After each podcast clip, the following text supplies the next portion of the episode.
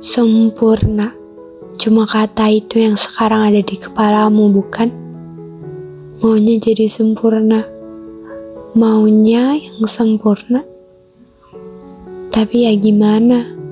Yang sempurna itu kan gak ada. Tahu nggak?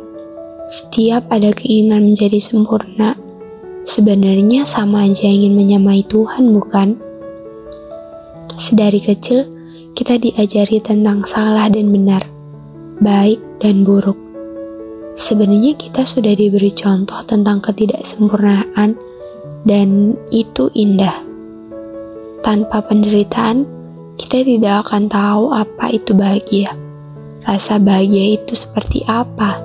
Kata bahagia itu berarti apa? Justru perbedaan yang membuat semuanya terlihat nyata, terlihat kita manusia. Sebenarnya pengen sempurna buat siapa sih? Buat diri sendiri atau buat orang lain? Lalu setelah merasa sempurna gimana? Apa udah puas? Udah cukup? Apa yakin bahwa manusia bisa merasa cukup? Akan ada kesempurnaan lain lagi yang terus dikejar.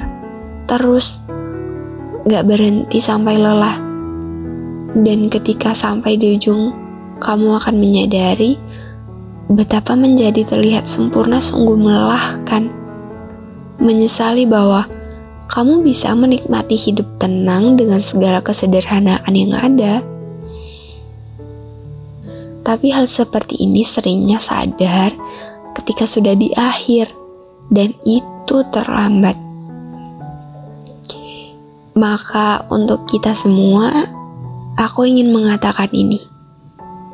Kita adalah manusia, dan semua manusia tahu bahwa kesempurnaan bukan milik kita. Semoga kita bisa selalu menerima ketidaksempurnaan orang lain dan mengajaknya menjadi lebih baik bersama-sama. Tidak perlu mengharap penerimaan dari orang lain, cukup diri sendiri saja. Selamat menerima diri kita yang tidak sempurna ini. Jangan kamu benci dirimu, karena masih banyak senyum di dunia ini yang mau menerima kekuranganmu.